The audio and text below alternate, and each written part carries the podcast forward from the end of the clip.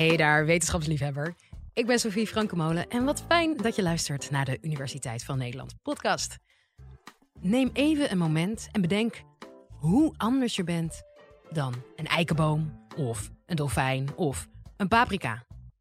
Hoe kan het dat we gedurende miljoenen jaren niet één grote mengelmoes zijn geworden? In dit college legt bioloog Roy Erkens van Universiteit Maastricht je er alles over uit. Live vanuit Club Air is dit de Universiteit van Nederland. Jullie hebben allemaal wel eens een keer een bloemetje gegeven of een bloemetje gekregen. Maar hebben jullie er ooit wel eens bij stilgestaan dat jullie alleen maar boeketjes bloemen kunnen geven dankzij evolutie? Al deze verschillende bloemen zijn namelijk allemaal het product van evolutie. En alle verschillende vormen, alle verschillende geuren, alle verschillende kleuren zijn ontstaan omdat ze een, uh, in evolutie een functie hadden. Kleuren en geuren zijn bijvoorbeeld belangrijk voor het aantrekken van bestuivers. En vormen kunnen dienen ook voor het aantrekken van bestuivers of voor de gek houden van bestuivers. Sommige orchideeën die lijken een beetje op een insect. En eigenlijk um, houdt de plant het insect voor de gek. Het insect denkt dat het gaat paren, komt aan, duikt op die bloem, maar vindt helemaal geen partner, maar bestuift of neemt pollen mee van de bloem. Dus de plant manipuleert op dat moment de bloem. Dus al die vormen, geuren en kleuren kunnen we begrijpen als het product van evolutie. Nu noem ik het de term soorten. En ja, het lijkt in het dagelijks leven vaak wel duidelijk dat er verschillende soorten zijn. Maar de vraag wat een soort eigenlijk is, is nog helemaal niet zo makkelijk. Biologen hebben, schrik niet, 30 verschillende manieren bedacht waarop ze kunnen zien of iets een andere soort is. Dus zal ik niet al die 30 gaan opnoemen in het komende kwartier. Um, maar ik wil er toch twee even uitlichten. Um, het belangrijkste concept en het meest intuïtieve concept is zogenaamd morfologisch soortsconcept. Morfo betekent vorm, dus dit concept zegt dat als twee soorten of twee individuen heel erg van elkaar verschillen, dat het dan twee verschillende soorten zijn. Als u denkt aan een mens en een chimpansee, kun u zien dat die twee verschillen en daarom kun je ze berekenen tot twee verschillende soorten. Een ander concept Um, dat is het zogenaamde biologische soortconcept. Het biologisch soortconcept zegt dat als twee individuen vruchtbare nakomelingen kunnen krijgen, dus kinderen die zelf ook weer kinderen kunnen krijgen, dat ze dan niet van elkaar gescheiden zijn en dat ze dan tot één soort behoren. Laten we een voorbeeld nemen van menstypen. Er zijn verschillende menstypen, Afrikaanse menstypen, Europese menstypen, Aziatische menstypen. En forensische wetenschappers kunnen op basis van de schedel die verschillende menstypen uit elkaar houden. Ze hebben 27 kenmerken die ze meten en waarop ze met zekerheid kunnen zeggen dat een schedel een Afrikaans menstype is of een Aziatisch menstype. Als we die schedels nu eens in de grond zouden stoppen, we zouden over een paar miljoen jaar kijken en eh, onderzoeken um, hoeveel mens, mensensoorten er op dit moment leefden, dan zouden we op basis van dat morfologisch soortconcept tot de foute conclusie kunnen komen dat er meerdere um, als we uitgaan van deze drie, dat er drie verschillende soorten mensen hebben geleefd op dit moment in de tijd. Nou, we weten allemaal dat er helemaal uh, geen drie mensensoorten zijn. Er is één mensensoort en alle mensen op aarde kunnen met elkaar paren en vruchtbare nakomelingen krijgen. Nou, laten we daar verder niet over uh, uh, praten. Laten we ervan uitgaan dat we weten wat verschillende soorten zijn. Dan is de vraag natuurlijk, hoe ontstaan die verschillende soorten? Nou, wat biologen doen is ze kijken eigenlijk naar gewoon de levende wereld vandaag de dag en proberen op die manier een idee te krijgen hoe soortvorming is gegaan. En wat men ziet is dat heel belangrijk voor soortvorming is dat er een geografische scheiding is binnen een populatie. ik wil dat illustreren aan de hand van um, twee garnalen. Deze garnalen hebben één hele grote schaar uh, hebben één hele grote schaar. En ze heten pistoolgarnaal omdat ze die schaar dichtklappen. En als ze hem dichtklappen, drukken ze het water samen. De lucht in dat water vormt een bel en implodeert. En dat laat een knal horen. En daarom heten ze. Nou, de voorouder van deze pistoolgarnaal leefde um, zo'n 5 miljoen tot 4 miljoen jaar geleden in waar nu Panama ligt. Als we kijken naar Centraal-Amerika, waar nu Panama ligt, was tot 3,5 miljoen jaar geleden water. Er was een verbinding tussen de Caribische Zee en de Pacifische Oceaan. En de garnalen die daar leefden, konden dan ook vrij van de ene naar de andere kant en konden met elkaar paren. Het was gewoon één grote uh, happy family, zou ik bijna zeggen. Um, in de loop van de tijd werd door geologische krachten de landengte van Panama omhoog geduwd. Dus Panama kwam uit het water omhoog. En met het omhoog komen van Panama werden ook die twee zeeën gescheiden en daarmee de garnalen in twee groepen verdeeld.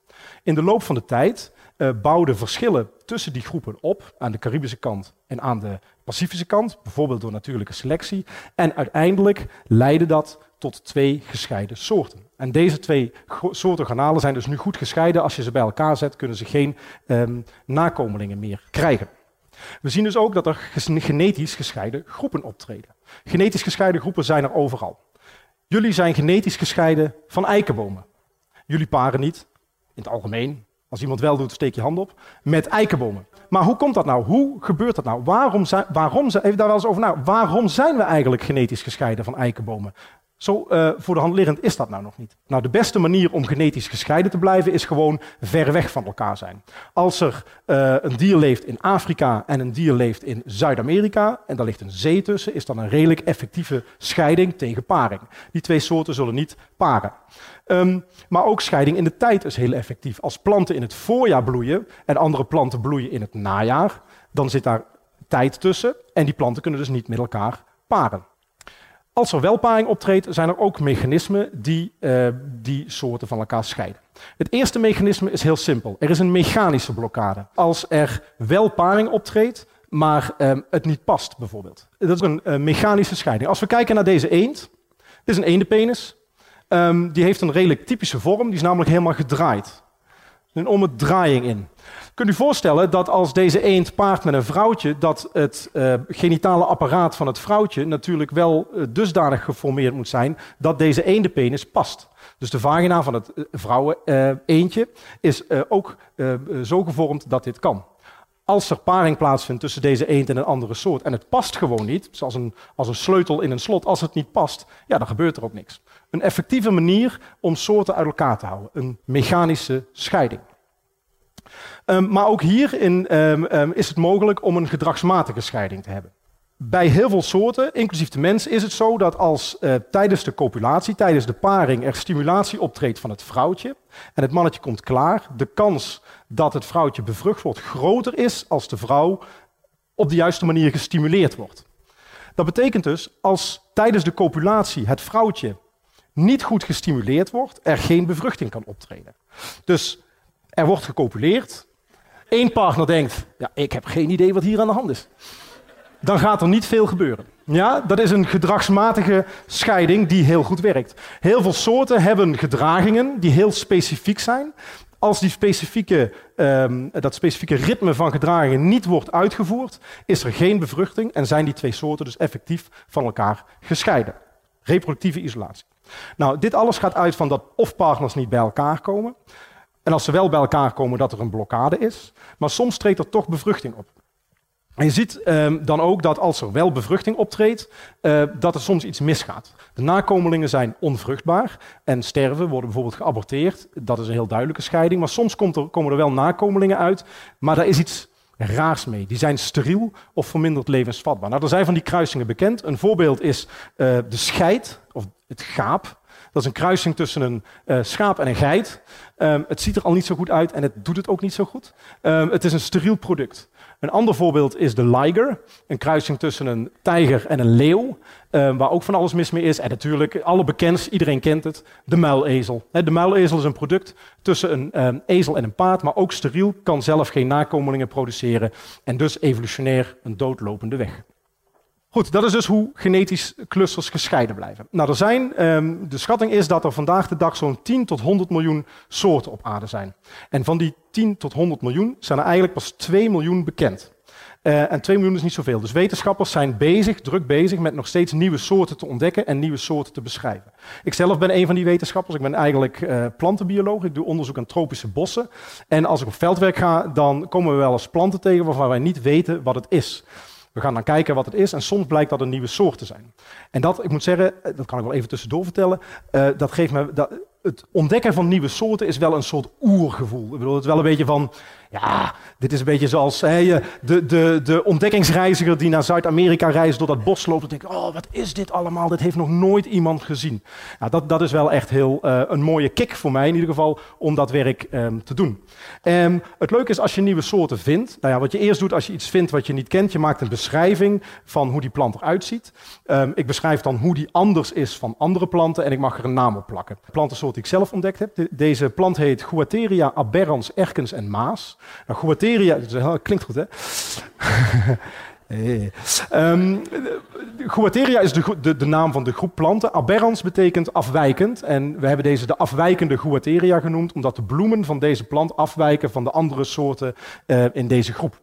Um, Erkens en Maas, ja, Erkens ben ik. Maas is mijn collega met wie ik die plant ontdekt heb en beschreven. En onze naam is nu verbonden aan deze Guateria aberrans. Het mooie is dat als ik al lang dood ben, over 300 jaar, mijn naam nog steeds verbonden is aan deze um, soort. Dus dat is, het is toch wel een soort, soort biologische ego-trip natuurlijk. Dat je weet dat je, dat je toch altijd uh, blijft voorbestaan. Nou goed, dat even tussendoor. Uh, maar dat is wel uh, waar, wat, wat het, wat het uh, ja, mooi maakt, een nieuwe soort ontdekken. We hebben dus 100 of 10 tot 100 miljoen soorten. Nou laten we zeggen dat er 100 miljoen soorten zijn. Dan kun je afvragen, hoe snel moet soortvorming nou eigenlijk gaan? Is er wel genoeg tijd om dat te laten optreden? En als we teruggaan naar het begin, wanneer het leven ontstond, 3,5 miljard jaar geleden, en we nemen eens even aan dat er op dat moment één bacteriesoort bestond. En die soort splitste zich in twee nieuwe soorten. En die twee nieuwe soorten splitsen zich weer. Ze waren er 4, 8, 16, etc. Als we dat proces nou eens laten lopen, hoeveel tijd hebben we dan nodig? Hoe vaak moet dan eigenlijk zo'n soortsplitsingsgebeurtenis optreden om 100 miljoen soorten te hebben? Eigenlijk helemaal niet zo vaak. Eén keer in de 130 miljoen jaar splitsen is voldoende om vandaag de dag 100 miljoen soorten te hebben. Nou, we weten dat de aarde 4,5 miljard jaar oud is, leven sinds 3,5 miljard jaar. Dus één keer in de 130 miljoen jaar splitsen, meer dan genoeg tijd. Je zegt, ja, dat is leuk bedacht. Er zijn natuurlijk ook heel veel soorten uitgestorven. Nou oké, dan gaan we eens uit van alle uitgestorven soorten. Er zijn naar schatting 1 tot 4 miljard soorten uitgestorven. Het grootste deel van wat er ooit heeft geleefd is alweer verdwenen. Laten we uitgaan van 4 miljard. Als we dan weer uitgaan van beginnen 3,5 miljard jaar geleden, splitsen, splitsen, splitsen, dan nog hoeft een soort zich maar één keer in de 110 miljoen jaar te splitsen om uiteindelijk uh, die 4 miljard soorten te genereren. Nou, dat idee van veranderende soorten, voor Darwin was dat eigenlijk een heel erg belangrijke realisatie. Want in de tijd van Darwin dacht men namelijk dat soorten onveranderlijk waren. En Darwin schreef het volgende in een brief.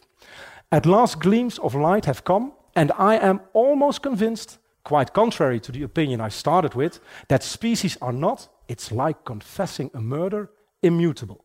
Dus het idee dat soorten konden veranderen, dat soortvorming kon optreden, was voor Darwin eigenlijk zo'n grote schok of zo'n belangrijke realisatie, dat hij eigenlijk vond dat het zoiets was als het bekennen van een moord. Um, goed.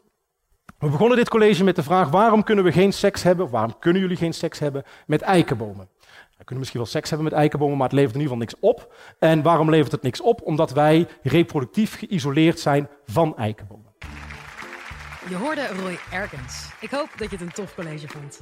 Elke week zetten we twee nieuwe afleveringen voor je online. Abonneer je dus op ons kanaal om niks te missen en om ons gewoon een beetje blij te maken. Volgende keer heb ik een college voor je over hoe erg het is dat we als een stelletje zombies de hele dag naar onze telefoon zitten te staren. Tot dan!